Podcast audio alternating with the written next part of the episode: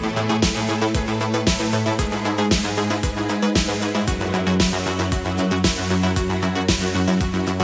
och välkommen till ytterligare ett poddavsnitt av Popmusiks podcast. Jag heter Johan Alexet och sitter idag tillsammans med sångaren i The Rhymes från Uppsala, Thomas Reimka Karlsson. Välkommen! Tack så mycket! Hur är läget idag? Det är, det är väldigt bra faktiskt. Eh, solen skiner. Eh, coronarädslan är ganska långt borta just nu. Eh, jag försöker fokusera på april som är min favoritmånad och eh, du vet eh, och albumsläppet här nu då. Ja, vad, vad är det som är så bra med april?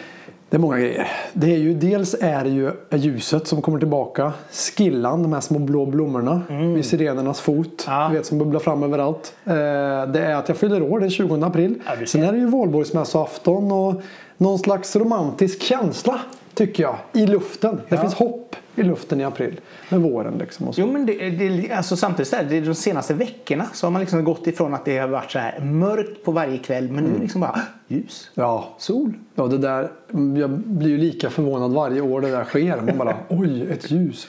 Jag grillade i trädgården igår så här, och var ute och liksom frös lite. Men kände solen värma samtidigt. Så det var väldigt trevligt med, med barnen och med, med Maja och min fru.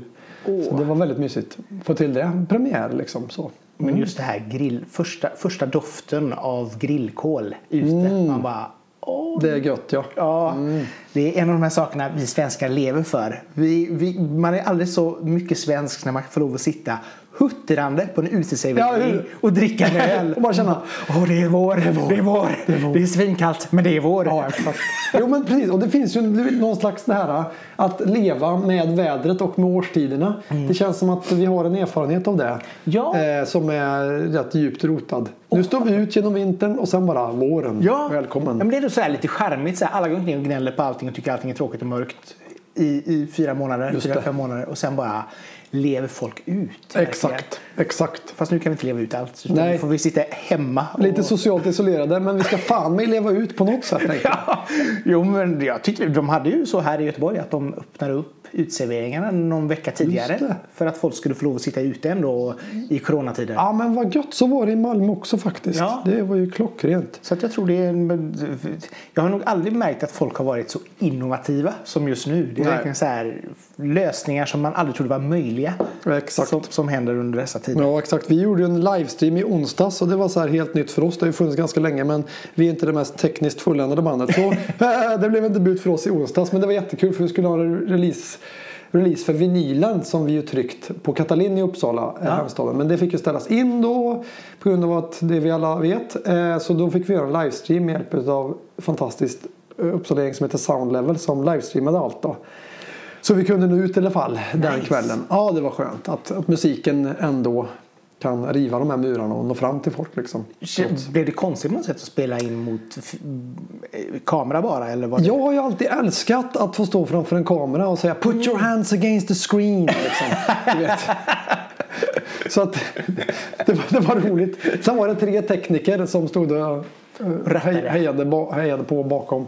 Så det gick att jobba med någon slags kombination av kamerakärlek och människokärlek där. Ah. Så, ehm, Kul ändå att man kan få till det så pass. För nu vet jag att det kommer väldigt mycket sådana här konserter nu. Så att det är spännande. Ja, det är väl gött att vi, vi går samman och skapar någonting starkt. Jo. Någonting mot den här rädslan liksom. Och nå ut, för musiken kan ju inte kvävas.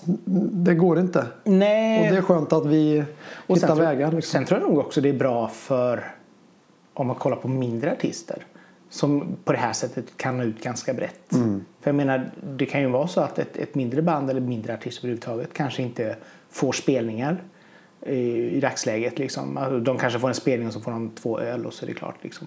Medan i det här fallet så skulle fler kunna få göra livespelningar för att man sänder det, Verkligen. streamar det. Liksom. Verkligen, verkligen. Mattias Löfqvist som vi känner, han sa det där om bara nu The Mamas och GES inte skulle ta upp det här utrymmet också med sina livestreams. Ja. Du vet så att mainstream-artisterna bara, de kommer in på livestreamen och eh, på något sätt tar ju den platsen också. Jo. Han önskade så här, kan inte de bara ta en liten paus nu så att indieartisterna får, får lite utrymme för en gångs skull.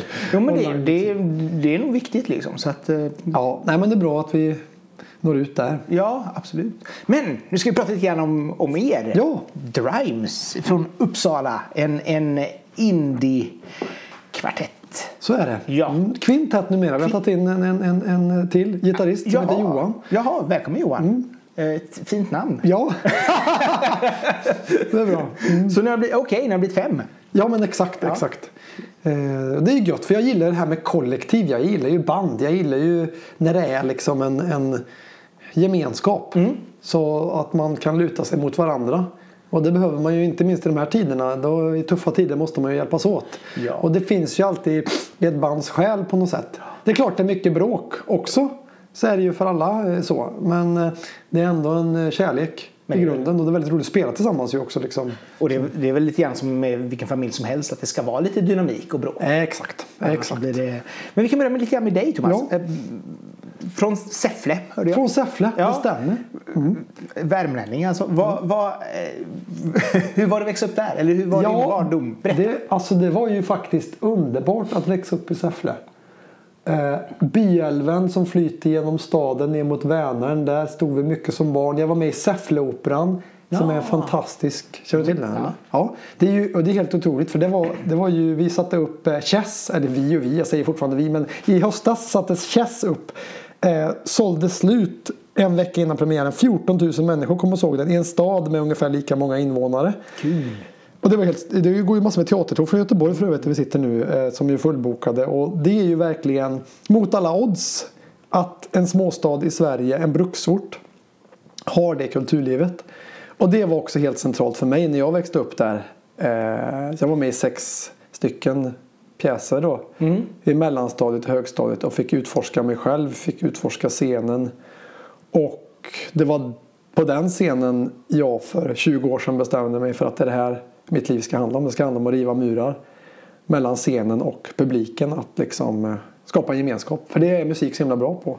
Så hade inte det funnits så hade jag inte varit den jag är idag. Så jag vill tacka Säffle för det. Säffleoperan och Säffle för det. Men var, det just mm, musiksången som var det som du föll för mest eller var det teater?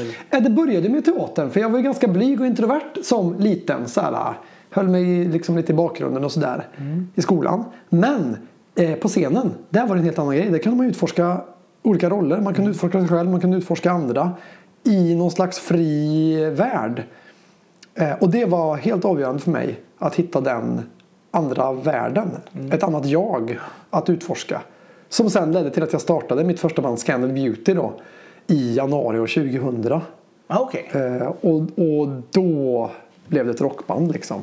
Och sen uppträdde vi där på Medis, Medborgarhuset i Säffle. Ja. Ehm, som ju är någon slags urscen för mig, den, den här viktigaste scenen för mig. Eh, med mitt band.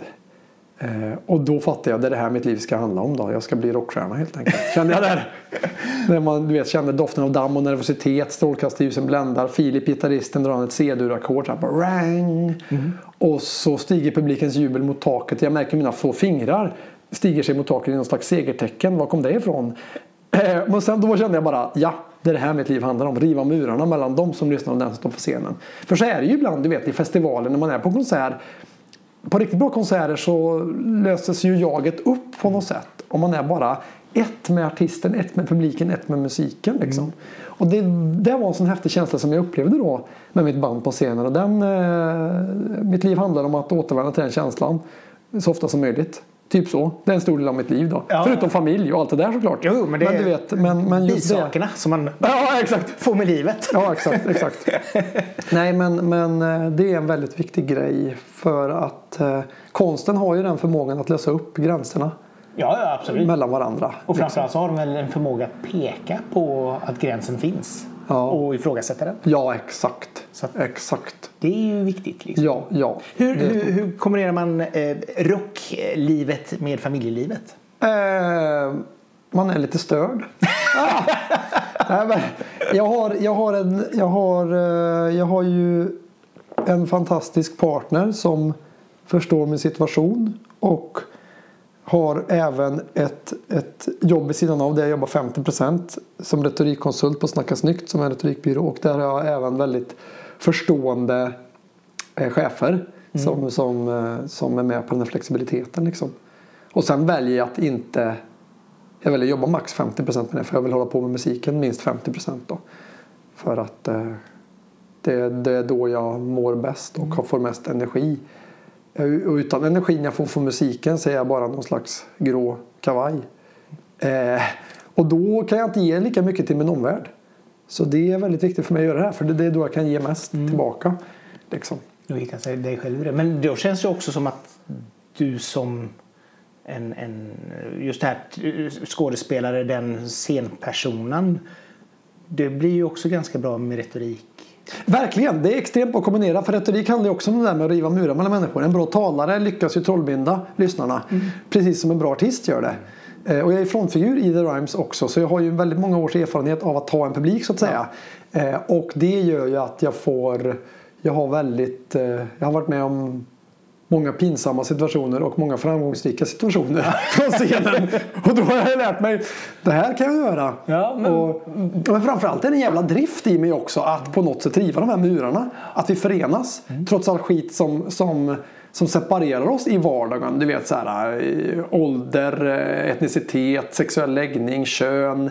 Eh, funktionsvariation, alla de där dretgrejerna. De löses ju upp under en riktigt bra konsert. Och det är det jag brinner för också, att riva murarna liksom, på det här viset. Jag har, jag har en drift av att alltid ah, radera avståndet mellan publiken och artisten på våra gigs. Liksom. Det är jävligt viktigt. Så det är mycket punk i det där också. Iggy Pop är en förebild där. Ja. Han bara häver sig ut över folk. Liksom. Ja, ja. Nu jävlar ska vi umgås här liksom. Du vet. ja, det är det det handlar om. Att Umgås för helvete! Ja, ungefär så. Det är väldigt långt ifrån att stå och liksom eh, med armarna i kors 20 meter från scenen och digga. Det är väldigt långt ifrån det. Ja. det min idealbild är långt ifrån det. Min idealbild är en hoppande massa. Liksom. Ja. Sen det är klart att folk får stå och digga på avstånd också på våra konserter. Det är inte så. Det är, alla får göra exakt vad de vill. Ja. Men min idealbild det är på något sätt att vi hoppar liksom. Att det typ så. Jo, jo, men det blir väl så här. Alltså en, bra, en bra konsert och framförallt en, en karismatisk konsertledare eh, får ju ändå igång publiken. Ja, men så alltså, kolla på Freddie Mercury. Liksom. Ja, alltså, exakt. Det är ju ingen som går på en Queen-konsert och säger att ja, men det här var väl käckt. Nej, men Utan exakt. det är väl verkligen bara ah, Ja, exakt. nu Nej, men exakt som Freddie Mercury, som Bono, som eh, eh, massor av sådana artister som bara drar igång. Beyoncé är också episk på det där. Ja. Eh, och det tycker jag är en uppgift. Det är fan ett jobb för en frontfigur att elda igång publiken. Ja, ja, ja. Folk kommer till ett livegig för att bli överraskade för att se något som förändrar deras liv. Och då får man ju bidra med det. Och då är det ju också imponerande när, med artister som ser publiken. Alltså ser Mm. mer eller mindre varje person i publiken. För det är ju också den connectionen som är viktig. Liksom. Verkligen, verkligen. Det är helt centralt och det behöver vi mer än någonsin nu kanske i coronatider speciellt när vi bara sitter och kollar över skärmarna. Du vet, och umgås. Då behöver man ju det fysiska blir ju verkligen något dyrbart. Och det är ju något vi tar fasta på på giggen. Att det blir att man ser och bekräftar människor. För alla människor behöver ju bekräftelse ständigt. Ehm, så det är ju vad musik också är för mig. Den här bekräftelsekänslan liksom. Ja, men jag tror det är viktigt. För, och det är väl också därför som man går på konsert. Både för som sagt musikupplevelsen men också just gemenskapen. Exakt. Kanske inte det här att man känna att man vill bli sedd. Men man vill ändå liksom känna att man var där och var delaktig. Verkligen. Och det är nog viktigt. Ja, och delaktighet och gemenskap är ju en central grej i låten eh, Säffle som vi släppte här nu 6 mars som är en av de fyra singlarna från debutalbumet då. Ja. Eh, Den handlar ju om solidaritet och gemenskap och att älska sin hembygd Ja. så mycket att man vill öppna den och inte stänga den. För, för när ni släppte den så var det lite grann inne på det här med att Tittar man på en, en, en mindre ort då blir det väldigt så här rasistiskt. Det är väldigt så här inskränkt. Det Det finns mycket fördomar ja. Ja, Verkligen. Den, den biten. Men just det här då att ni ändå vill, vill lyfta fram det som att det, det kollektivet också i, i, i samhället. Ja, precis. Att man lyfter upp de positiva sidorna i småstaden eller landsbygden också. För det tycker jag görs ganska lite i, eh, i media. I massmedierna så är det ju väldigt mycket en, en fördomsbild som finns. Som precis som du säger, ja, men på landsbygden där är folk rasister och inskränkta och det är efterblivet. Liksom. Eh, och det är en lite tråkig enahanda bild. Och då vill ju Säffle den här låten visa på den andra sidan. Alltså miraklen som kan ske där man minst anar det. Vilket ju gör att det blir så himla häftigt. Och speciellt ögonblick som inspirerat låten Säffle det är ju Säffle Pride. Den första Pridefestivalen som skedde 2015. en julidag och jag gick dit och trodde det kanske, jag gick dit med familjen och trodde det kanske skulle komma 50 pers. För, för att jag hade ju också de här fördomarna, kalla mig inskränkt lantis och sådär. Men jag tänkte ju liksom att ja men det är 50 pers kanske. Ja. Men så kom det 1500 människor. Underbart. Ja, och det var liksom oj. Stan fylldes av kärlek. Liksom. Stan jag inte kanske trodde kunde fyllas av så här mycket människor för en sån här sak. Bara kom upp och bitchsläpade mig på kinden liksom. Boom!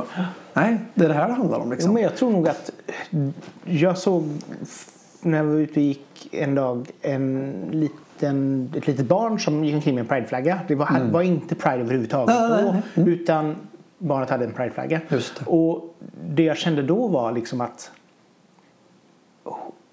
eh, homofobi överhuvudtaget kommer till att dö ut med 1900-talsmänniskorna. Mm, mm. För jag tror att de som är födda nu är så inlärda med människors lika värde och att det inte är en grej. Verkligen. Sen kommer det alltid finnas idioter, det går inte att komma ifrån. Men, Mm. men just det här att det känns som att dagens generation, yngre generationen inte ser de barriärerna. Nej, exakt. Vi sa det där med den första Pridefestivalen 2015. Den hade inte kunnat ske 2005 tror jag. Nej. För då var samhället fortfarande mer inskränkt. Men sen har det hänt saker väldigt fort ändå. Senaste tio åren bara. Mm. Ja, ja. Pride-rörelsen har växt och det har blivit omdefinierat. Det har blivit bredare. På något sätt att det handlar om allas rätt att älska vem de vill. Och allas, allas rätt att vara den de är. Ja. Liksom. Och, och det gör att det blir ett väldigt kraftfullt budskap. Som ju talar till mig väldigt starkt. För det handlar mycket om att riva de här murarna. Som vi håller på att riva varenda live-gig. Man river murarna mellan människor. River de här homofobmurarna eller liksom sexism eller rasismmurarna som finns. Och, och, och jag tror nu, som, som du säger, liksom så här, det, det är också någonting som har varit väldigt tydligt för, för 10-talet. Både den här att man eh, mm, folks lika värden men också metoo-rörelsen. Mm. Som också var en, en smäll på käften Verkligen. på, på eh, Patriarkatet, ja. Ja, ja, visst. och, och, och det är ju också väldigt mycket sånt som har hänt den här perioden. Att, att folk börjar förstå att okej, så som vi har levt är inte okej. Nej men exakt. Exakt. Och det ger mig hopp mitt i allt som händer. Mitt i liksom pandemierna och uh, all annan skit. Jo. Så finns det ändå någon slags rörelse mot mer och mer öppenhet. Liksom. Och, den, den, och det är det som låten Säffle handlar om. Att vi rör oss mot mer öppenhet. Och här är beviset. Och då är det liksom ur, ur en småstads perspektiv hur, hur gemenskapen finns där. Trots kanske liksom massmediernas enahanda Mm. skildring så kan man faktiskt hitta mirakel på små platser. Och det gäller att se det Ja. och inte bara se det negativa. Liksom. Nej, man behöver inte se hur det ser ut nere i Skåne liksom, på de små SD-orterna. Liksom. Nej, men, men samtidigt så finns det ju så mycket ljusglimtar även där. Ja, det finns ju motstånd även där. Ja, I Sölvesborg. Liksom, Ja. Det finns prideflaggor där och, och, Ja. och sådär. Och, och det gäller att, att lyfta fram det tänker jag. För eh, ja, det är viktigt att göra det med konsten och med musiken tycker Ja, jag. för jag menar, det är ju som att kolla liksom det som händer i till exempel Polen just Mm. nu. Där man liksom säger, ja men nu har vi en tredjedel av Polen är homofria zoner. Ja, ja. Och man undrar liksom så här, äh, vad håller ni på med? Ja. Och- Människofientlighet och skräck och skit. Ja, ja. Nej, det är jävligt törligt. Och därför måste vi som vill riva de här murarna prata mer om det och stå upp för det. Och att det blir något kraftfullt liksom. För det, det känns också som detta har varit genomgående tema även om den här- i, i singeln eh, Fyrisån så sjunger ju om eh, rasism och, och främlingsfientlighet. Eh, eller antirasistiskt budskap. Just det, just det. Eh, Så att det känns ju som att det här är inte bara viktigt live utan även viktigt för er som personer. Ja, verkligen, verkligen. Och jag inspireras mycket av vatten, älvar och floder. Byälven flyter genom Säffle som sagt. Och Jag ser ju älvens färd ner mot Vänern för det är bara, det är bara några kilometer från Säffle till, till Vänern. Och byälvens färd söderut den längtar ju till att uppgå i något större, Ja. i Vänern och sen genom Göta älv ut i havet då. Eh, och precis så är det för oss människor också menar jag. Att vi människor längtar också efter att uppgå i ett större sammanhang. I en gemenskap. Och då blir liksom byälvens färd söderut där det forsar. Det blir en symbol för livets framfart. Och att vi i livet alltid längtar efter en större gemenskap också. Eh, Så byälven är en väldigt viktig metafor i texten, i sångtexten där. Ehm, Ja, nej, det är, jag tror det är viktigt liksom. Och så framförallt också, man kan nog aldrig nog visa sin sin ställning, sitt ställningstagande Nej. mot rasism och mot främlingsfientlighet. exakt och därför har vi en textrad som är Refugees welcome, call this place your home i låten. Och sen är det Martin Luther King citat direkt efter det. Som jag tog direkt från hans I have a dream tal. Ja. För det handlar ju också om att riva de här murarna. Eh, och att vi måste välkomna den andra för att bli ett helt samhälle. Det är en viktig, ett viktigt budskap. Och det går att göra även i småstäder, kanske speciellt i småstäder. Då. Ehm, så att, så att det, det är stora ord Ja. som, som ju passar med en, en låt på det temat. Ja. Eh, och jag tycker det är viktigt med stora ord och stora känslor i musik. Eh, Finns det någonstans man kan, man kan ha det så är det ju där. Alltså det är ju. Mm. Även i film så kan du ha det. Men just det här i- just i musik så är det du kan ju med, med, med, i flera meningar berätta hur mycket du älskar en person. Mm. Och det kanske kan bli lite teatraliskt men det är ändå liksom så här ganska härligt. visst är det det? När det blir så här Man kan, over the top. Ja, ja, ja, precis. Så bygger man ju upp det med melodierna och med klimax och sånt där. Och, ehm, ja, det- det är väldigt häftigt. Och just klimax i Säffle det är ju att det färdas fem personer på en båt. Det är tre flyktingar och så är det två personer som har bott i Säffle i väldigt många år. Två faktiskt utav de som grundade Pride. Eh, Alma, Mustaba, Ebba, Victoria och Victor heter de här fem personerna. De färdas på byälven, det är högt vattenstånd, den forsar. Och, och liksom, eh, de fattar, okej om vi inte håller i varandra nu så kommer vi falla ner i djupet. Om vi är ensamma så faller vi ner. Men om vi håller om varandra då klarar vi oss. Då klarar vi oss på livets färd söderut mot Vänern i en större gemenskap. Liksom. Och det är det som låten handlar om i, i liksom klimax där i texten. Att de aldrig släpper taget. Utan att de håller i varandra. Fast de kanske kommer från olika delar av världen och har olika liksom, ehm, tankar och värderingar. Så är det viktigt här att vi håller ihop. Det är då vi klarar oss på båten. Det är då vi inte faller ner ensamma. Liksom. Så det blir en metafor för att vi människor måste ta hand om varandra då, i livet. Liksom. Jo, jag tror nog att de flesta människorna är väl villiga att göra det också. Att man ser the greater good i mycket liksom. Ja, jag tror också det. Och även om man kanske är uppfödd med en viss... Min, min sambo jobbade på Migrationsverket under ett tag och Mm. han har ju haft långa utläggningar med, med nyinkomna som, som Mm. kanske har en viss syn på till exempel homosexualitet eller kvinnor och så vidare. Men att man förklarar för dem att ja, men här fungerar det så att många anpassar sig. De Mm. Verkligen. anpassar sig för att de förstår att man behöver göra det. Sen finns det alltid skitstövlar men det finns lika många skitstövlar här i Sverige. Ja, men jag tänker också det. Och det finns ju också eh, hbtq-flyktingar som flyr. Och som ju självklart förtjänar amnesti också. Ja. Tänker jag. Eh, Även om det inte alltid Migrationsverket kanske ibland bedömer att ja, men det finns inte grund för, för skyddsskäl. Det är ju skit tycker jag. Eh, Vi, vi blir, det blir bättre om fler får vara med och bygga Sverige. Och vi har en skyldighet att ta emot människor som flyr dessutom. Ja. Så att det är ju verkligen mycket sådär. ehm, ja, det är ett kärleksbudskap i låten helt enkelt. Så. Men det är en fin låt. Vi- Jag gillar den låten. Vi, Vad kul! Ja! Tack! Vad är det du gillar då? mycket mer. Alltså just med melodi. Alltså för, om, nu har jag lyssnat igenom albumet men, men där har vi också liksom mycket energi i låtarna och så kommer den här som är lite mer lugnare. Just det. Eh, Vi la den sist på albumet för vi kände att det var en bra albumavslutare. ja, men lite så. Som en eh, stor ballad och Krama om varandra i slutet. Ja men exakt, tryckargrejen där. Det är skitbra. Man kan se albumet som någon slags här upplägg för en utekväll sen. Ja, exakt. Tryckare en kvart i tre, det bara Tryck, exakt. extasen. Om du skulle förklara vilka The Rhymes är. Ja. Vad skulle du säga då? Vi är fem personer som eh, helt enkelt samlas en gång i veckan i Östgöta Nations källare i Uppsala och spelar musik tillsammans. Sen gör vi massor med andra grejer också. I, ibland äter vi chips och eh, ibland har vi lite så här eh, filmkvällar. Eh, men eh, vi gillar ju rock och vi gillar ju att vara i ett band. Oftast när vi inte bråkar. Bråkar ni mycket? Nej, det är ganska smidigt tycker jag ändå. Ja. Vi bråkade mer i höstas.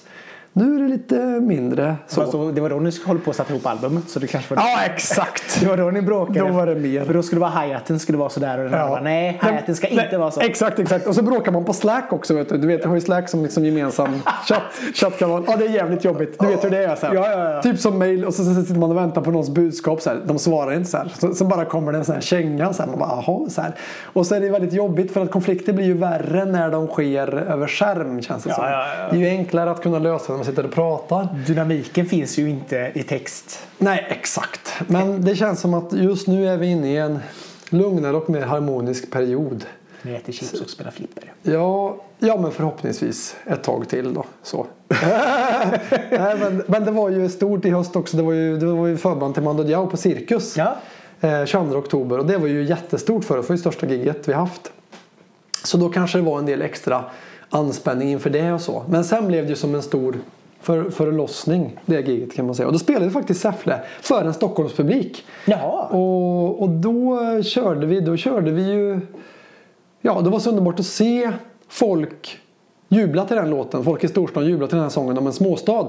En småstad som kanske annars ses med fördomsfulla ögon. Liksom. Men i slutet så stod stockholmarna med, med liksom mobilerna i luften och liksom hade strålkastarljuset på för att det var ju sån här ni vet, tryckarkänsla där. Så det är faktiskt ett av mitt livs bästa ögonblick när, när Säffle fick eh, fick ljuda ut över cirkus, den här legendariska scenen också. Som är jättehäftig. Och, och det var totalt bifall från publiken. Liksom. Och, och då var liksom konflikten mellan storstad och landsbygd raderades där för ett litet tag. Du vet. Och det var bara den här gemenskapen, den här riva murar gemenskapen Som var väldigt eh, härlig eh, att få, få känna. Ja. Det bästa med, med att spela i Stockholm måste ju ändå vara att det finns ju inga som är födda i Stockholm i Stockholm. Så att det borde ju göra att alla, Exakt, alla, alla står bara, där och känner "Vänta här, nu." det här är som hemma. Ja, det här är Flen, det här Ja, är liksom. Borlänge, det här är Stockaryd. liksom. Ja. Exakt, exakt. Det här är Vilhelmina. Ja. Så här, ja. Så att de, de känner igen sig liksom. Eh, Vad var er gemensamma nämnare när ni träffades? Alltså för, vad fick er att klicka som band?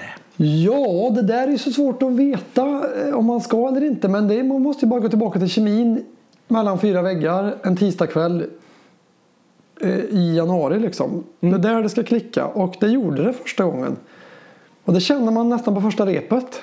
Så bara, mm, vi spelar lite tillsammans, vi lyssnar på varandra, vi lyssnar på oss själva när vi spelar. Mm, ja, det, ja, det funkar kanske. Liksom. Det är där det föds liksom. Och det var så det började.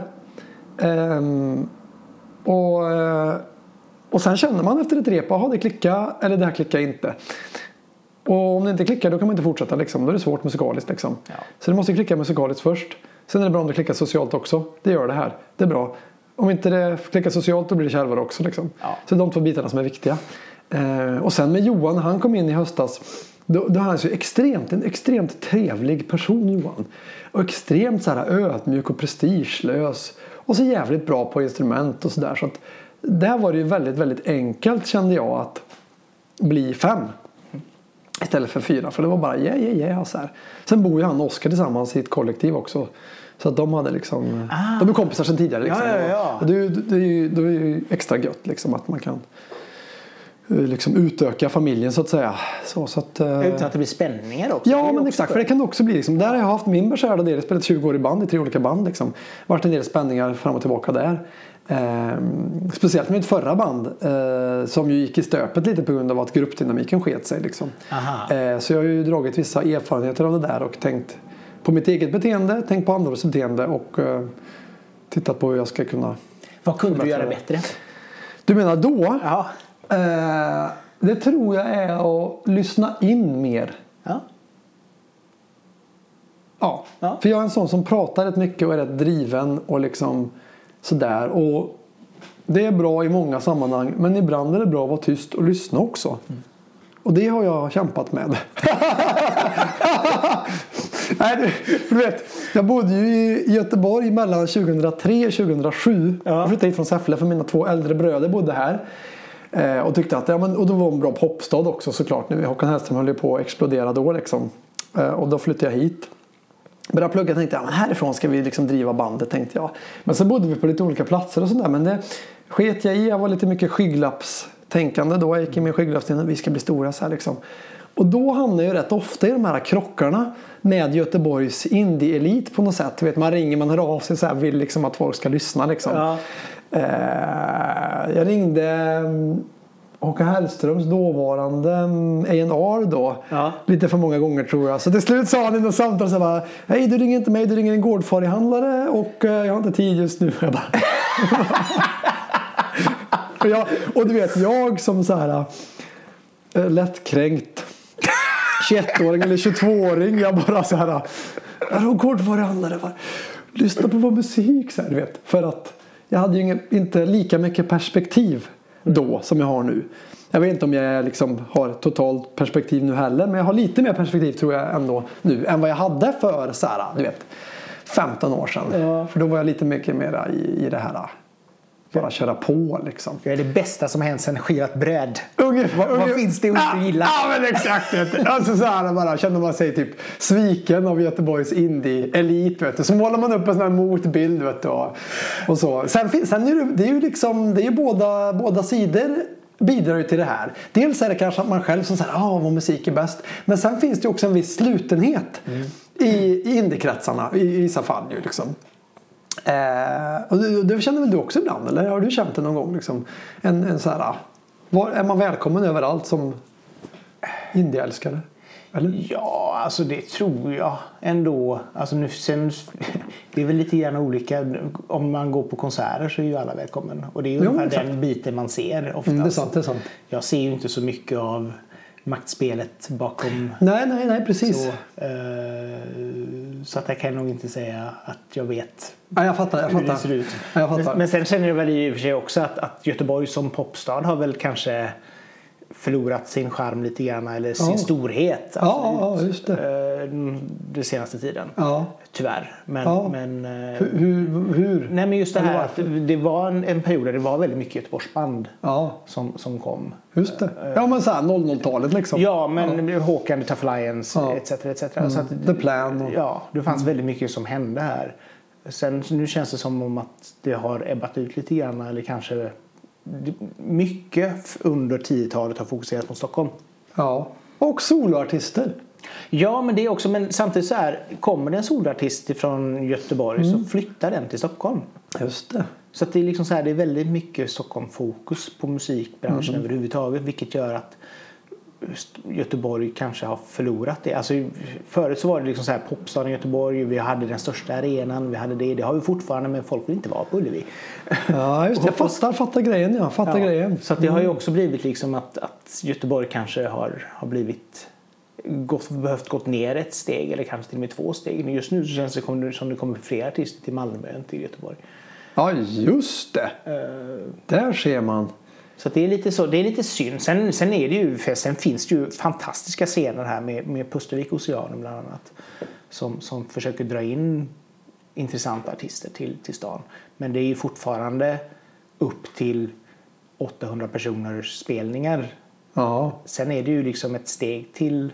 Finns ingen passande arena kanske? Nej, alltså Skandinavium är ju verkligen... Den duger ju knappt till ishockey liksom.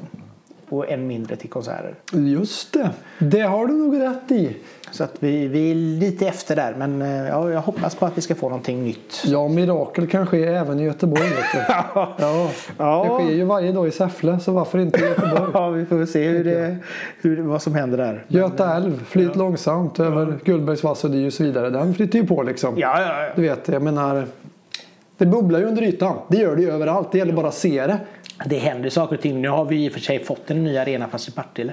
Eh, som, är, som är bra. Eh, Men det är väl kul att de kan få lite också. Ja, ja, ja. Det är ju fortfarande regionen. Så Ja, det är, det är det. Man får ju se det som det liksom, så det är viktigt. Eh, men tillbaka till er. Ni bildades 2016. Ja, Ja, hur känner du själv att ni har utvecklats under de här åren? ja, framförallt som grupp har vi utvecklats. Att vi liksom spelat ihop oss. Och eh, spelat, haft över 80 gig i England och Tyskland och Finland, Norge och Sverige sedan starten. Och blivit väldigt ihopspelade på grund av det. Och även socialt att vi liksom åkt Finlandsfärjan. um, eller, eller bilat ner till, till Hamburg i en trång Volvo där vi satt med instrumenten i knät. Då har man ju varit med om det lite kärva. Eller den gången då vi tog ett gig på Mässingshornet, Kirseberg, Malmö. Ett litet hak för att Mando Diaos manager hade ordnat ett gig. Där utan resersättning, utan gage. Men Mando Diaos manager hade ordnat det åt oss så det var bara att ta.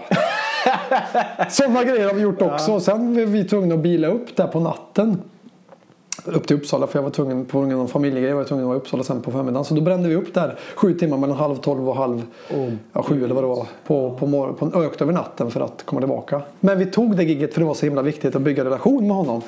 Vilket sen också gjorde att vi fick den här slotten på Cirkus nu då i höstas som förband och jag. Så vi har ju liksom gjort en del av det här hårdarbetet nu. Hundgörat. Hundgörat, exakt. Eh, Och även musikaliskt släppt väldigt mycket. Eh, som gått, det gått upp och ner med i mottagandet. Så nu känns det som att vi är redo för det stora debutalbumsläppet då. Ja. Ehm, här 17 april då. Spännande. Vad- Ja, vilken- vinyl har vi första gången. Det är roligt. Det känns som man måste ha det nu för Ja, tiden. jag tror också det. Något fysiskt. Liksom. Ja, alltså man ska inte släppa CD för det är mer... mer, mer Tyskarna gillar ju det. De bara Do you have a CD? Kommer de fram och frågar efter giggen. I have a CD-ROM, you can Ja. take this one. Exakt. Nej, men där har vi tryckt lite. Några CDs i alla fall för tyskarna då. Vi ska spela där igen senare i år. Så det är bra. Där, där går CDn hem. Eh, Men vinyl är ju något extra. Jag har ju drömt om att ha en vinyl i kanske 20 år mer eller mindre. Nu finns det en, en till sist en på Så det är din första vinyl som du släpper? Ja, med egen musik på tillsammans med andra. Ja, det var stort i förra veckan. Ja, det Kunna förstår sitta jag. på tåget och bara mm, här är vinylen. Så. Och så doftar den så här Ja, exakt. härligt gott. Exakt. Öppnar Som ett komplement till streamning och klickningsmusiken. Jo, men- ja, liksom. men jag tror det är Ja, kul. båda, båda, båda delar är viktiga. liksom. Ja, sen har du ju någonting att ge bort till alla vänner. Eh, sen Exakt. beror på hur många jag tryckt upp. För det brukar, alla brukar vara så här, ja jag har tryckt upp så här många och så bara, mm, ja, jag har typ så här många kvar. Ja, eller hur? Bara, mm. Eller hur? Efter Men- ett tag liksom. Ja, men det är ändå, det är ändå jag tror det är ändå, det är, som du säger, liksom, det är det här att man har någonting att sätta händerna på. Verkligen. Och på vinylen har vi alla låttexter också tryckta. Ah. Och de finns inte någon annanstans. Så då ser jag ju framför mig, man liksom sätter på den, sätter sig i fåtöljen i soffan, tar upp den, läser texterna, låter musiken gå på djupet. Låter eh, Byälvens vatten förändra en på djupet. Är det du vet, klickar inte bort efter 45 sekunder utan bara kommer in i något, någon trans eh, på ett bra sätt. Är det en sån gatefold eller är det är, är, är texten Det är ett inlay va? Heter det. ja, ja. exakt. Men den är rosa. vinylen? Ja, våra färger är ju svart och Ja, rosa som ja. band. Och Ja. då är vinylen svart och rosa också. Så det här är ju någon slags magiskt föremål egentligen. Ja, ja, det förstår jag. Helt på dig. Ja, för vi ska ju inte sticka under stol med musikens kraft här liksom. Den känner ju du, den känner jag, den känner ju ni som lyssnar också. Det är därför vi håller på så mycket med musik, lyssnar och spelar och allt det där. Och den kan ju förändra liv. Och då, det, då ska det behandlas som magi också, Ja. tänker jag. Men, jag, men jag, jag gillar den här känslan med vinylen som har kommit. Liksom att folk, nu har inte jag någon vinylspelare men jag köper fortfarande vinyler av artister som jag ändå Just det. samlar på. Just det. Pet Boys. Eh, Gött, gött. Bra, bra, Jo, band, bra jo men det är liksom så här, och, och det blir ändå liksom något sådär charmigt med det. Även om man vet att ja, men den kommer bara stå i backen. Men det är ändå... Den finns där ändå. Den finns. Jo men den ligger där och glöder. Ja. Du vet under vårnätterna. Man själv sover kanske men den Ja, ja, ja du den... vet, sänder ut positiv energi. Men vi måste ju öppna oss för musiken också tänker jag. Du vet låta den gå in på djupet. Man kan inte bara tänka så här bara. Ja nu lyssnar jag på det här och det är liksom. Det är väl så. Eh, nu klickar jag vidare. Utan bara vänta, lyssna, låt det gå in. Liksom. Att, att kanske även öppna sig själv, göra sig själv öppen för musik. Och inte bara tänka att eh, den ska ge mig direkt tillfredsställelse. Utan den kanske kan växa i mig den här låten. Finns det något fint i det där också? Ja, ja, men det- Hur låtar dröjer sig kvar genom decennierna. Ja, det, det är ju som när man är på fest eller något sånt där och man ska spela liksom, åh det här är favoritlåten just nu och så är det en ny låt och så hör man någon som skriker det är klart Ja. för att den personen har aldrig hört låten och har ingen exakt. sa- connection Vad till den. menar du? Så här? Nej men exakt. Nej men liksom den här, liksom, det här att åh, ja, men man måste höra musik som man har hört. Ja. Och man är liksom så här väldigt svårt att Du, där säger nytt. du någonting väldigt, väldigt, väldigt intressant alltså. För att det, det där är ju uttryck för en, en, eh, ja, men lathet nästan. Ja. Som jag själv också har. Jag vill höra något jag hört förut. Och det är det som gör att vi har coverband som dominerar torgfesterna i de mindre städerna också. Jag vill höra det vi förut. Men tänk, ibland finns det ju faktiskt möjlighet att man kan höra något nytt och bli upplyst av det liksom. Nej, jag är lite trött på den här byt låt-grejen. Liksom. Jag har en kompis som heter Erik. Vi hade en eh, studentfest, eller i Uppsala när jag bodde där. Så hade vi en fest som vi kallade för fest för att det är roligt. Underbart namn. Ja, och en huvudmoment i den här festen, kanske det viktigaste för mig och Erik, det var att vi gjorde en spellista på 120 låtar. Det täckte sex timmar musik ungefär. Där vi satte ordningen. Sen gick inte den att byta vet du. Underbart. Ja, vi bara så här, här, den här musiken kommer spelas mellan klockan sex och klockan tolv. Liksom, Ja. vet, från sex till midnatt. Det är den som spelas. Liksom. Så här, vi, vi dansar till den. Det går inte att byta låt. Varsågod. Så här, liksom. fanns det lite olika åsikter om, om det där såklart. Men jag och Erik vi bara yeah. Så här. Sen blev det ganska bra fester också. Vi körde två år i rad. Mata på. Och konceptet var där, det går inte att byta låt. Nej. Så här. Nej, men jag tycker det är helt rätt. Liksom. Ja. Mm. För samtidigt så här, hur dålig en låt är så är låten oftast tre och en halv minut. Och klarar du inte av de här tre och en halv minuterna ja då kanske du har andra Då problem. kan vi inte hjälpa dig. Lite så. Nej. Ja, men då får man väl gå ut, ta en liten paus, gå Ja. på toa. Vad kan vi göra? Ta lite vin i köket, liksom, drick lite öl, så här, bara slappna av. Sen kommer kanske en bra låt. Ja, men det är lite grann så. Alltså, även om det kommer Ulf Lundell som jag tycker är jättetråkig så Mm. kan jag överleva en låt med Ulf Lundell. Jag kan till och med överleva två låtar med Ulf Lundell. Ja. Det rör inte mig överhuvudtaget. Nej. Men, men samtidigt så, här så vet man liksom att ja, men nästa låt är inte Ulf Lundell. Nej, exakt. Då kan man bara fortsätta lyssna. Då kan man fortsätta lyssna och vara glad för det. Liksom. Så Ja. fest för att det är roligt. Eh, bra festkoncept. Det tycker jag i alla fall. Så här, man förbestämmer 120 låtar, sen kör man. dem, Ja. Så här, liksom. eh, sen finns det fester för andra också. Jag menar, byt låtfester. kan man gå till en sån om man vill. Liksom. Ja, men du kan ju ha sådana där du kan koppla upp allas mobiler till en högtalare. Bra så kan där. ha så här, Antitesen, nu, liksom. Nu kör vi den här låten. Nej, men nu ska jag köra den här låten. Nej, nu kör vi den här låten. Exakt. Det finns folk för det också säkert. Ja. Det finns fester för det också. Ja. Så, eh, du pratar på att du har varit i Tyskland, du har varit i Storbritannien, du har varit överallt i Norden. Eh, haft stora och små spelningar. Skillnad på publik i de olika länderna. Vad känner du där? Ja, alltså tyskarna vill ju komma ut och dansa Getting Blown Away så att säga. Vi spelade på Dunkerklubb i 9 januari här i början på året innan eh, Corona slog till. Och då var det så här eh, en härlig samling människor av lite övervintrade eh, liksom hippies och eh, lite, lite yngre eh, eh, och så en torsdagkväll. Eh, Och så går de ut och bara I just wanna dance you know. Så här. Eh, I like, I like, I like good music. Så här. Det finns en öppenhet där på något vis. Eh, jag vet inte hur, hur, hur tydlig jag, jag var nu i hur de är. Men, och sen frågar de också Do you have a CD också efter gigen? Liksom. Nej det har vi inte. Så här. Men nu har vi det i alla fall så det är bra. Ja. Men sen svenskar, vad ska man säga där? Vi har ju spelat väldigt många olika gig. Eh, ungefär som tyskar, får man väl säga. Ja. Eh, eh, och eh, vårt mål är ju alltid att vi ska dra upp folk på scen i slutet på giget. Eh, och det lyckas vi ofta med. Så. Och, och, eller, eller att vi häver oss ut på något scendyk eller något sånt där. Eh, och sen britter. Eh, vi, hade, vi spelade i Soho i en källare där för sittande publik. Men där var det så här bara You know how to work an audience. Det bara, Absolutely fucking brilliant sa någon skön nordengelsk människa längst fram efteråt. Så där, där gick det in på djupet också hoppas jag. Kul. Eh, ja, och det är väldigt roligt att få spela utomlands just för då ser man ju musikens kraft i att riva murar. Eh, vilket är coolt. Så. Jo, men det hade ju varit lite svårare kanske om ni sjöng på svenska. I det fallet. Ja, visst är det så, visst är det så. Varför blev det, varför blev det just eh, engelska? Det är ju för att det är globalt. Och man kan nå människor i hela världen. Och det är viktigt. För musik för mig handlar mycket om att nå ut. Mm. Och att det ska, så många som möjligt ska kunna förstå. Så då borde ni ju kört på spanska med andra ord. Ja, kinesiska liksom. Mandarin. Så nästa album blir mandarin. det kör vi. Får Gå någon kurs här bara. Kinesiska. Nej men vi har, vi har, eh, vi kör, vi har faktiskt kört Säffle på svenska. Min mamma sa Thomas om du har en låt som heter Säffle då måste du köra den på svenska också så att folk, så att folk kan ta till sig den så den kommer nära. Så då gjorde vi en svensk version faktiskt. Ja. Som ännu är osläppt. Ja, jag vet. Kanske kommer i framtiden. Besvikelsen. Har du hört den? Eller? Nej, men det är klart att den ska släppas. Ja, ja, ja. Vi återkommer. Ja. Vi får se. B-sida på nästa singel. Ja men det är bra, det är bra. Mm, du levererar. Ja, ja, men så den har vi och eh, myser lite med. Ja. Så den kanske kommer framöver.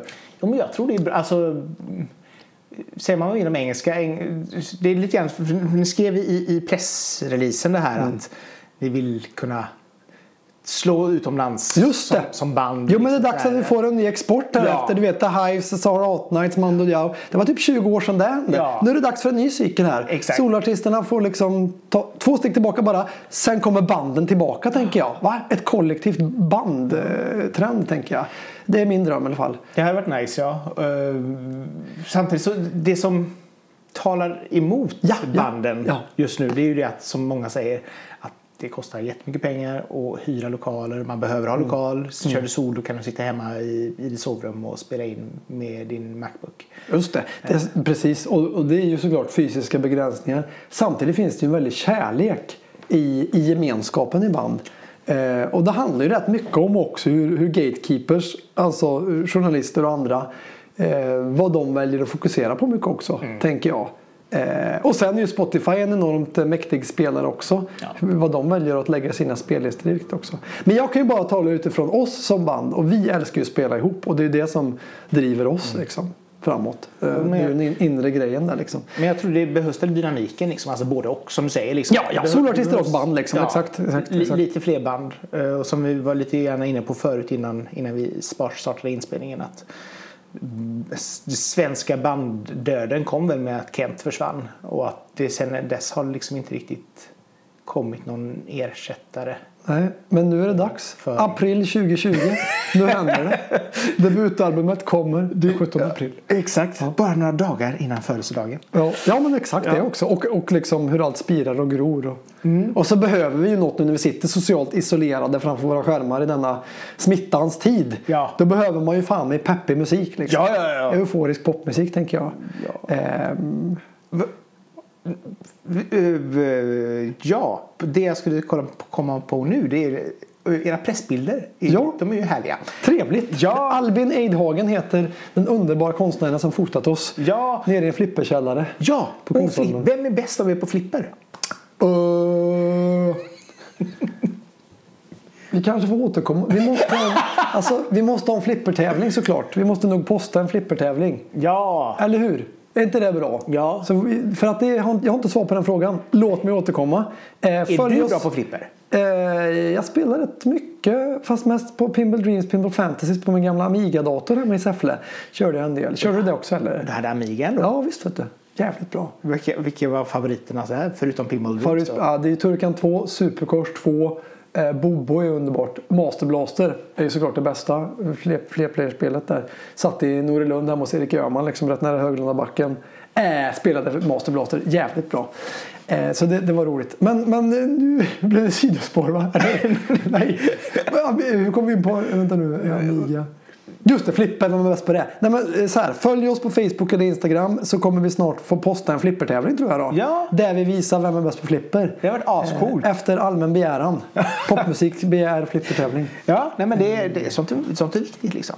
Ehm, med tanke på att det kändes som att ni hade så kul vid eh, flipperspelet på bilderna. Just såg ut det. som det var liksom så här sp- sprudlande. Ja, Därför men- jag det att åh, nu är de i sitt rätta element. här. Ja men Flipper, exakt. arkadhallen, Du vet liksom. lite så här glassiga gitarrer, så här, eh, kraftfull eh, reverb på trummorna liksom. Lite 80-tals-vibe. Ja men bild. exakt Ja, så här bara.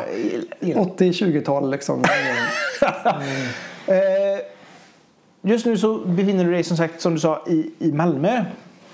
Ja just nu är vi i Göteborg. Ja, ja just nu. nu men just förut. Just det, Malmö ja ja, exakt. men, men ni står fortfarande som Uppsalaband. Ja det stämmer. Eh, Är eh, alla utspridda numera? Eller? Nej, nej. Eh, Alla de andra bor i Uppsala. Jag bor i Malmö ett år på grund av att min fru fått jobb på Malmö universitet.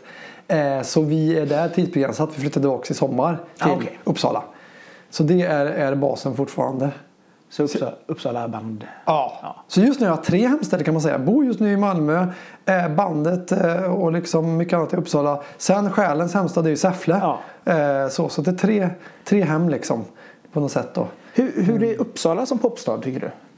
Tack vare att vi har nationerna, studentnationerna, som alltså studentsällskapen, så är det en stad som lever livemusikmässigt. Hade vi inte haft några nationer hade vi varit som Västerås.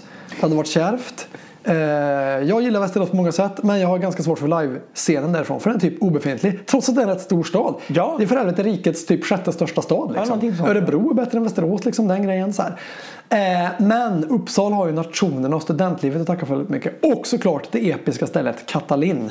Som ju är, det känner du till eller? Nej, nej, jag är jättedålig på Uppsala. Jag har Jag varit en gång. Katalin är ju Uppsalas svar på Pustervik kan man säga. Ah. Eh, det är liksom det underbara livemusikstället där Håkan Hellström spelat och Soundtrack of Our Lives. Eh, eh, Veronica Maggio har spelat där och eh, massor med soullegender också. Mm. Så. Heter Katalin All That Jazz, ligger precis vid stationen i Uppsala. Där har vi spelat typ tio gånger också. Det är så här helt fantastiskt, fantastisk plats att få vara på.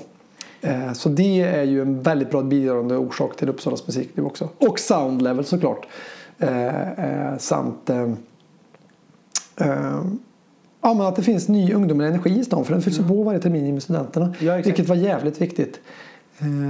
Men hur, hur, hur, är staden? Liksom, vet du, hur, hur känns den? Är den välkommande för att stötta band, alltså hitta replokaler? ja, hela det den skulle jag också säga faktiskt att den är. Eh, Kan du sälja in liksom staden så att fler Ja, flyttar dit? eller hur? Eh, Och när jag flyttade dit, och dit flyttade jag faktiskt strax efter jag bott i Göteborg, så kände jag att Uppsala var en välkomnande famn. Alltså. Mm. Det kände jag även i början på Göteborgsvistelsen, men allt eftersom jag bodde där så kände jag att på grund av mycket som hände i mitt liv att det blev mer och mer tomt i stan. Eh, Och därför var jag tvungen att flytta vidare från Göteborg våren 07 till Karlstad i fem månader. Jag bodde där liksom, lite så här på i någon slags mellanrum i livet. Och sen drog jag till Uppsala hösten 07 för att starta nytt band och för att mitt ex bodde där. Liksom. Och då kände jag att det var välkomnande armar som tog in mig på ett bra sätt. Mycket på grund av att jag var student. Är man inte student så är det nog rätt kärvt. Ja, det är... Dessvärre. Eh, men, men för mig var det bra liksom. Jo, men det, vi pratade faktiskt om Uppsala typ igår eller förrgår Mm. eh, när vi tog en kvällspromenad eh, och sa det liksom att ja, det är ju verkligen en stad som står och faller med universitetet. Annars så ligger den ju lite grann i Stockholms skugga. Så är det verkligen. Det är Den en har den sjukt grejen. stor stad som ändå är ganska anonym känns det som. Ja, ja visst. Förutom då studentlivet. Ja men exakt, exakt. Ja, nej, men det är det som är det, det unika. Sen växer ju den också såklart. Så det är väldigt roligt så.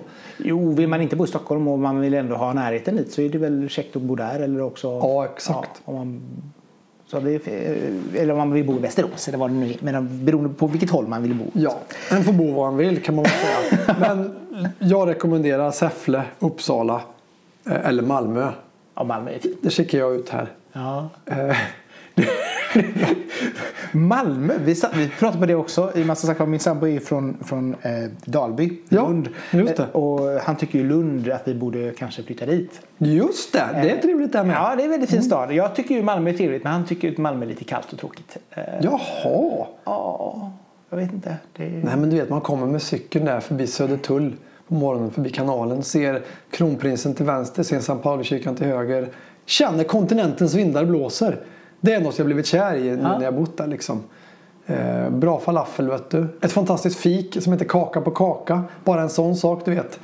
Ett fik som heter kaka på kaka. Du vet, där kan man bara trycka kakor. De bejakar Ja, ju kaloriintag liksom. Det är, det är Göteborgshumor. Ja men Fast- exakt, fast exakt. i Malmö. Fast i Malmö liksom. Du vet ju, det är, det är, alltså, där har jag blivit, verkligen blivit kär. Sen, sen drog jag och, och, och eh, min partner ut till Ribban i fredags. Beställde en pizza. Så här satt vi i Ribban, du vet vid Sandstranden mitt i stan. Så här kolla ut över Öresund. Så här åt pizza liksom. Också ljuvligt eh, att göra där. Så. Nästan som att vara på Duse och titta ut över Vänerns eh, klippa på sommaren. Duse alltså i Säffle kommun där när Byälven möter Vänern. Typ samma. Du, jag gillar, gillar din sån här härliga så här lokalpatriotism. Ja, men det, det är viktigt du vet de här små platserna där miraklen sker som jag var inne på lite med, i med Ja. låten Säffle. Att eh, titta en extra gång.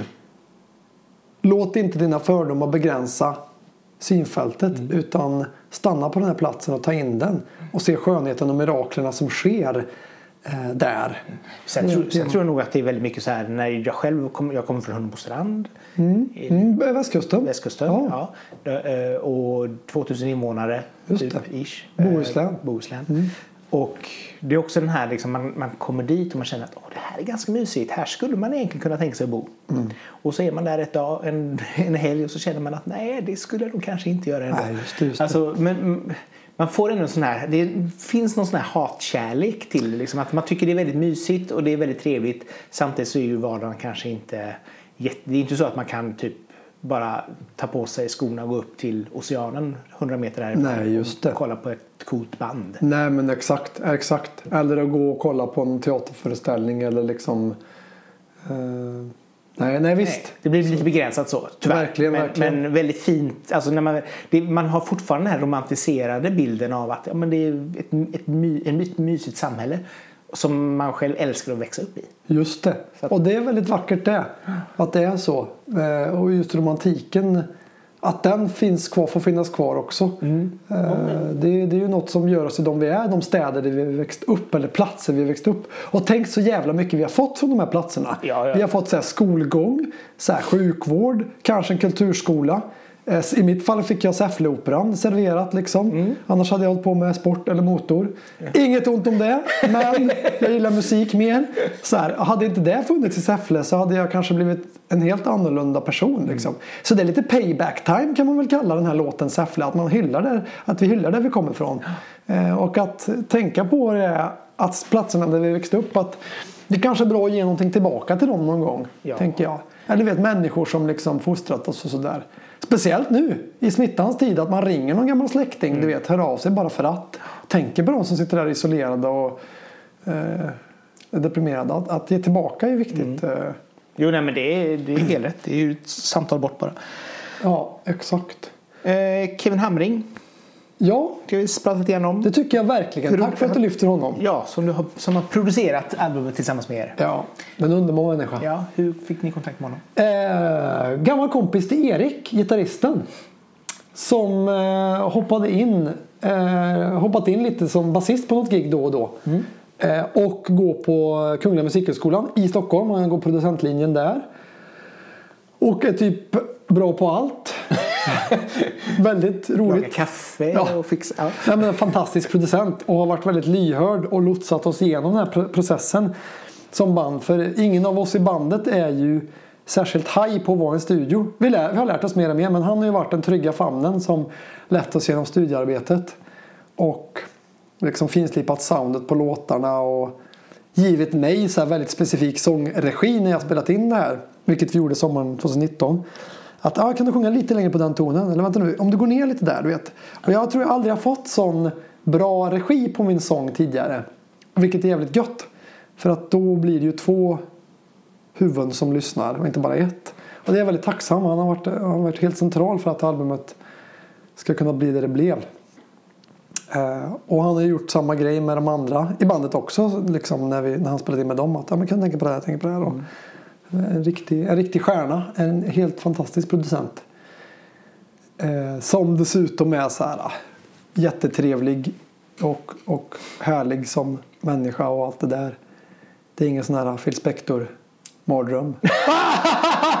som vissa producenter du vet. Utan du vet så här ah, kompis liksom. Ja, ja, ja. Men som, som framförallt lyf- lyfter fram er och försöker göra er ännu bättre. Exakt vet du. Ja. Som kan hantera mitt ego också. I studion du vet så här. När det kommer fram så här. Så att varje gång ni ska gå in i lokaler där det bara får vara max 50 så är det, så är det bara typ så här ett 20 som kommer in för ditt ego tar upp de andra. Exakt! Och det har varit det är ju ett extra stort problem nu vet du. Så här, shit, regeringen går ut med max 50. Fan, mitt ego tar 30 platser. Nej då. Nej men. Försöker hantera alla, alla aspekter av det där. Eh, eh, och då är ändå 36-åriga Thomas ego, det är ju mindre än 20-åringens ego. Då var det bara no! Så här. Nej jag bara skojar. Nej men, eh, men, nej men så Kevin har varit väldigt bra på att hantera det också. De olika egorna inom ett band. För det finns ju flera såklart. Och, och det tycker jag har varit väldigt fint så. Eh, och det är ju ett ständigt samspel i ett band. Att, att liksom tänka, ha gruppfokuset. Och det kan jag själv vara rätt dålig på ibland. Jag hoppas jag blivit bättre på det med åren. Eh, Men, men att det viktiga är ju att det, det finns en bra helhetskänsla i gruppen, en gemenskap liksom. Eh, Det är helt centralt. Sen går det ju inte att, att, att liksom knyta fast individerna i varandra. Liksom, utan det måste finnas ett individuellt utrymme också för var och en också. Och det är, en, det är en väldigt häftig balans där. Hitta den balansen mellan gruppen och att individerna ska få sina egna uttryck. Och att man också ska komma framåt också. För det är viktigt att, mm. att kunna nå ut till fler, kunna spela för större publiker och känna att musiken kan beröra fler människor. Det är en viktig grej också. Så det är en spännande utveckling som sker ju. Man måste vara så. en socialliberal ja. grupp. Eh, precis. Själv är jag feminist. Eh, och det duger väldigt bra för mig. Eh, men, men jag älskar socialliberalism också. Visst gör jag det. Tycker den kanske kunde vara lite mer radikal då och då. Men det är kanske ämne för en annan podd. Ja, ja. ja det var bäst. Ja.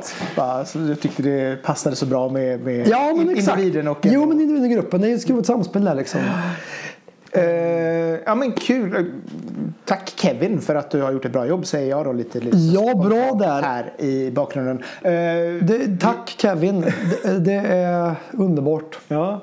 Vi, omslagen innan vi eh, måste vi avhandla också. Just det. det är alltid viktigt. Jag älskar ju den här lilla collaget. Alltså, Johan jag älskar att säga det är alltid viktigt med omslag. Ja. Det är inte alla som skulle tycka det men du tycker det och jag vill ja. tacka dig för det. Ja, jag vill tacka dig för din passion för popmusiken också. Tack. Ja. Jag, men jag, omslag är verkligen så här. Jag är ju Pet Boys-fan. Ja. Och där är det mycket viktigt med omslag. Mm. För, och för design och så vidare. Mm. Och det är sånt som jag går igång på.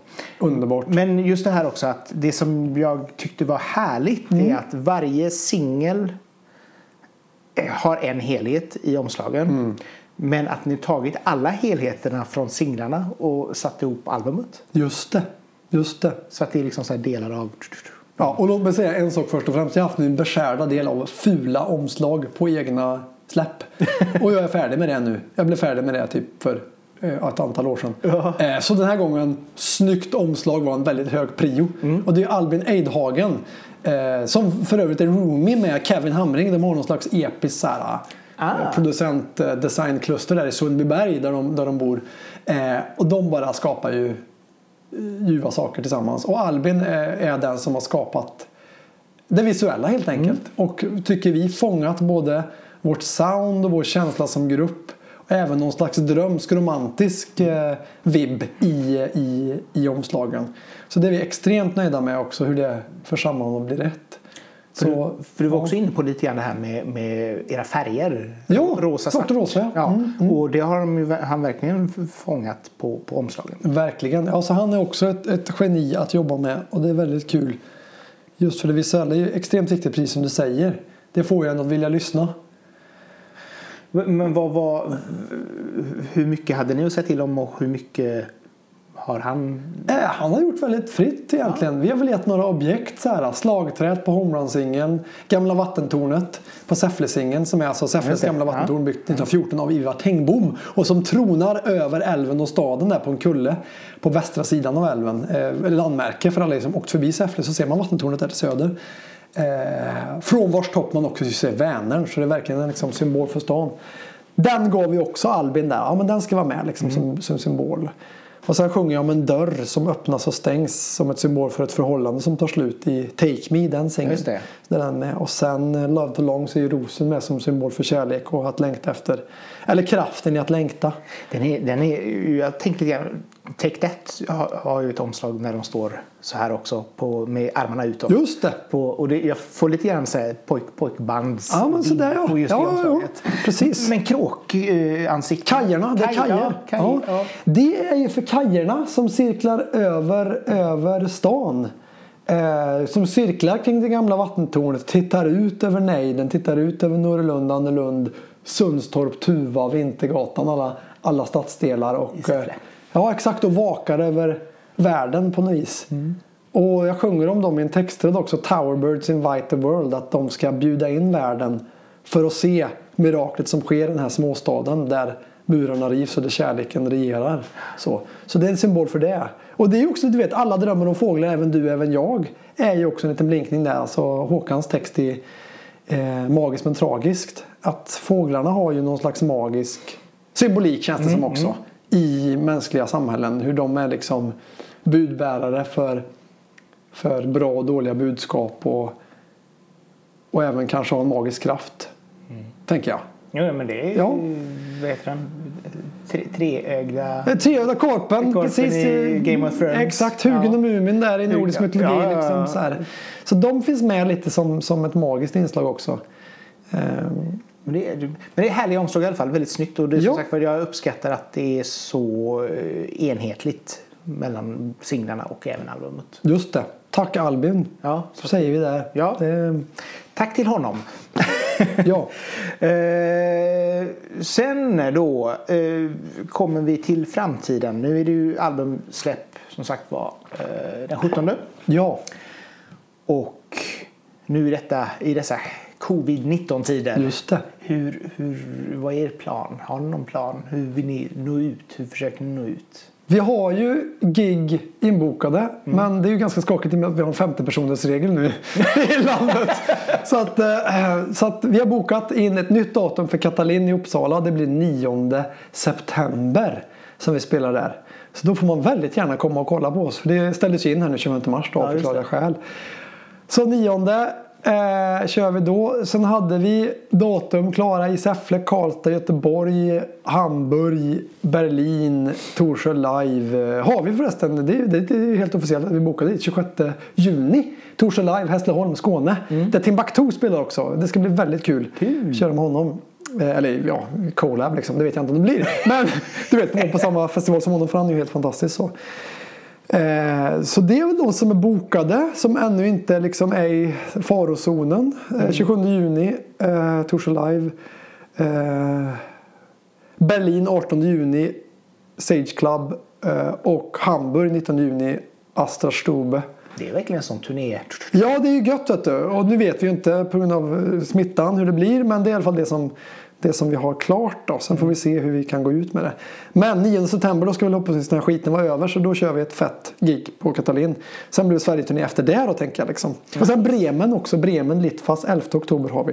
Så, så det är liksom de live-hållpunkter då. Men det känns ändå som att ni har bokat upp ganska bra. Ja, det känns jävligt bra. Vi har en tysk bokare som heter Stefan Schumacher. Bara namnet vet du får ju här. Schumacher. Ja exakt, underbart tyskt namn liksom. Han sitter i Berlin, just nu i lockdown dessvärre. Men, men han är ju en sån här riktig, du vet, eldsjäl som bara ja, Let's build this, här, we're gonna break this band. Så här, bara. Han bestämmer sig för det. Gagerna är inte de fetaste, så här, liksom. men han säger bara, vi bygger långsiktigt, säger han. Så, här. så det är ju så man vill ha i sitt team, du vet. Någon som bara, mm, nu kör vi, som bestämmer sig liksom. Ehm, så, så det känns jävligt bra att han är med oss i, i Tyskland. Eh, eh, och sen såklart Hansi som bokar här i, på 28 Bookings här i, i Sverige. Och Mattias Wachtmeister som vi har på förlaget då, Native BMG. Som också är en helt underbar, underbar människa. Som det känns väldigt bra att vi är många som, är, som är samlade nu. Så, och så Loaded, Martin på Loaded och, och så. Eh, jävligt gött. Ja, jo, men jag tror det är viktigt liksom, att man har eh, bra folk med sig också idag. Eh, för det är ett stort brus man ska slå sig igenom. Verkligen, verkligen. Det är ju det. Och det är många som kanske kan få för sig det i och med att det finns så många solartister som, som bara dominerar. Att ja, men den skapar sin framgång själv. Liksom. Ja, men det är den som, vilket geni den personen måste vara. Men det finns ju alltid fler personer bakom ett namn. Bara för att det är en person på liksom bilden så är det ju du vet, minst fem eller tio som står bakom det där som har varit med och skapat det. Liksom, men som inte alltid syns. Liksom. Och det är väldigt viktigt att föra fram det. Och det tycker jag är en härlig grej med band också. Att där ser man att det är flera som gör det här.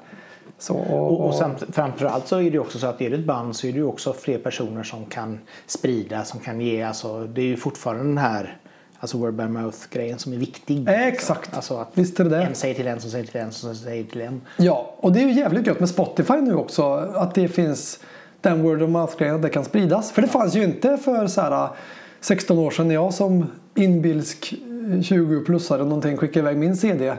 Klädde folk skulle svara så här liksom. Du vet, du vet, det var ju så jävla stängt då på något vis. Ja. Och det kanske ökade att det blev större desperation hos artister då som vill ut med musiken liksom. Samtidigt så, så fanns, visst det fanns, har väl alltid funnits en indie-scen men samtidigt så på alltså 1900-tal och framförallt också även då 00-tal så var det ju svårt för en indieartist som inte låg på ett skivbolag att nå ut för då var det fortfarande så att du skulle trycka upp den här jävla serien. Verkligen. Känner till det där, har varit där. Ja, Liksom. men nu så är det ju verkligen att du, du behöver bara ett konto på internet för att liksom ladda upp Ja. din låt och så finns det på Spotify. Exakt, och det är så himla fint. Det är en väldigt bra grej ändå som är viktigt att komma ihåg tycker jag. Att, ja, men, men våra followers på Spotify de ökar ju liksom i en brant kurva nu när vi haft de här släppen av de här fyra singlarna. Eh, så man ser ju verkligen att det här sprids ju organiskt ändå. Liksom.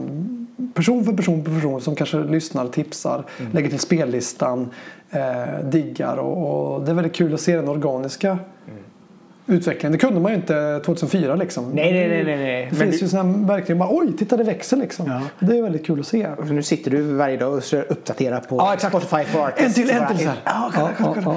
Nu är det någon, nu är det någon i Bangladesh. Ja, exakt. Kolla, Bangladesh minsann. Stora i Bangladesh. Eller hur, vi bokar ett gig. Nej, just det, jag sa kostnaderna. Nej, men, det eh, är så roligt liksom för det är, det är som, som, sådana otroliga möjligheter men också så otroligt svårt. ja, precis. Så att det är precis. liksom så här både och. Ja, det är ju det. det, är det. det, är det. Och du får önska er någonting mm, under året som kommer här nu mer än att ni släpper skiva. Hoppas att den går bra. Vad önskar du dig? Eh, att vi hittar ett vaccin till corona, att alla blir friska, världsfred, kärlek till alla och en, en, en varm sommar vid Byälvens strand. Eh, och att eh, folk ska bli friska. Det är bra. Ja, ja det är viktigt. Fint avslut där av Thomas i The Rhymes. Tack! Tack så jättemycket för Ja, att du tack för att jag får komma hit. Popmusik är en episk blogg och det är underbart att få bidra med tankar och åsikter tillsammans med dig här. Ja, det har varit en, ett, ett härligt samtal. Och ja. hoppas att ni som lyssnat tyckte det här var lika trevligt som vi över en kopp kaffe. Som vanligt, glöm inte att dela inlägget eller avsnittet till era vänner så att fler kan lyssna på det. Följ gärna podden så att du får nästa avsnitt direkt ner i din mobil när det släpps. För det ska komma nya vad det lider även om det just nu är lite, lite svårare kanske att få till intervjuer när folk sitter i karantän. Ja, men då hoppas vi att folk kan mysa framför sina poddar och Ja. lyssna och njuta. Ja. Och så, eh, ja, jättekul. Och Ja. så hoppas vi att det blir ett härligt mottagande för albumet här nu Ja. på, på fredag. Det håller vi tummarna för. Ja, det hoppas jag också. Så att från Majorna så säger jag Thomas tack för oss. Tack och hej! Tack och hej!